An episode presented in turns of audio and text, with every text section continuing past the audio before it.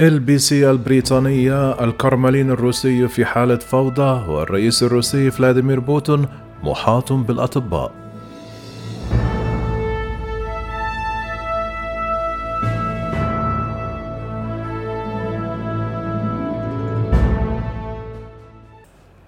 قال كريستوفر ستيل خبير المخابرات السابق بالحكومة البريطانية الذي كتب الملف حول التواطؤ المزعوم بين روسيا وحملة الرئيس الأمريكي السابق دونالد ترامب الرئاسية لعام 2016 أن التفاصيل الدقيقة لمرض الرئيس الروسي غير معروفة لكنه قال إن الأطباء يتابعونه باستمرار وأضاف أنه لا يبدو أنه قادر على اجتياز اجتماعات مجلس الأمن دون الحاجة إلى التوقف لتلقي العلاج الطبي. قال ليدي ماير من LBC البريطانية يرافقه باستمرار في المكان فريق من الأطباء. اجتماعات مجلس الأمن التي من المفترض أن تستمر لمدة ساعة كاملة مقسمة في الواقع إلى عدة أقسام.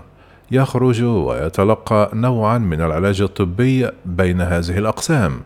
ومن الواضح أنه مريض بشكل خطير.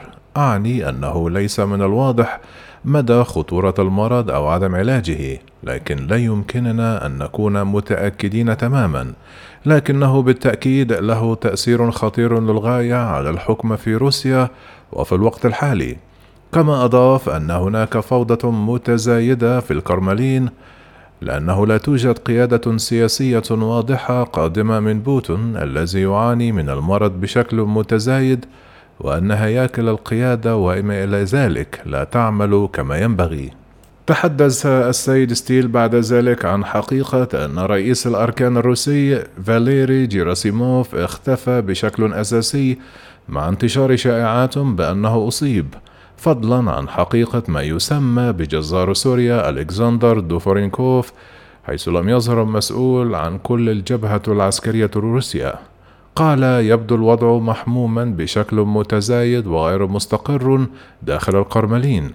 ثم قال أن الرئيس الروسي فلاديمير بوتين حاصر نفسه في زاوية ولا يمكن الانسحاب من الحرب بسبب رغبته في ترسيخ إرثه كما أضاف أنه من غير المرجح أيضا أن يحاول الرئيس تجنب إظهار الضعف في الكرملين واصفا إياه بأنه يشبه إلى حد ما بركة أسماق القرش. قال ستيل الكرملين الروسي يشبه إلى حد ما بركة أسماق القرش.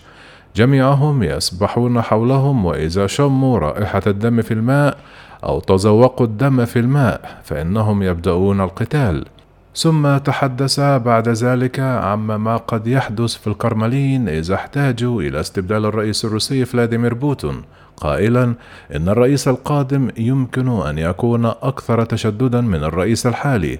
وقال الحديث هو أنه إذا كان أي شخص سيحل محل بوتين فسيكون شخصا أكثر تشددا من بوتون وهذه ليست بالضرورة أخبار جيدة.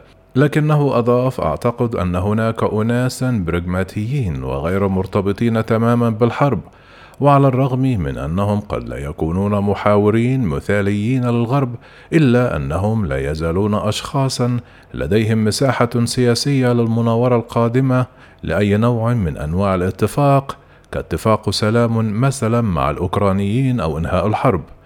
كانت هناك أسئلة متزايدة حول صحة الرئيس الروسي فلاديمير بوتين في الأشهر الأخيرة.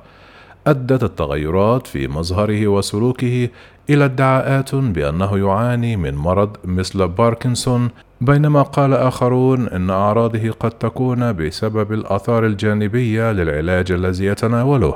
وانتشر مقطع فيديو قال البعض أنه أظهره وهو يعاني من حركة تشنجية لا يمكن السيطرة عليها خلال اجتماع مع الرئيس البيلاروسي ألكسندر لوكاشينكو. كما أظهر مقطع فيديو آخر وهو يمسك بطاولة بإحكام خلال لقائه مع وزير الدفاع الروسي سيرجي شويغو. قال البعض أنه كان مؤشرا على أنه كان يحاول إخفاء رعشة والتي يمكن أن تكون من أعراض مرض باركنسونز وكذلك أحد الآثار الجانبية لعلاج بالسترويد. في الآونة الأخيرة تم تصوير الرئيس وهو يضع غطاء على ركبتيه خلال عرض عسكري في يوم النصر الروسي حيث لم يتم تغطية أرجل أي من قدام المحاربين الذين كانوا معه. كما بدا أن الرجل البالغ من العمر تسعة وستون عاما يسير بخطوة ثقيلة كما لو كان يحاول إخفاء عرجه وذلك بحسب تصريح لجريدة ال بي سي البريطانية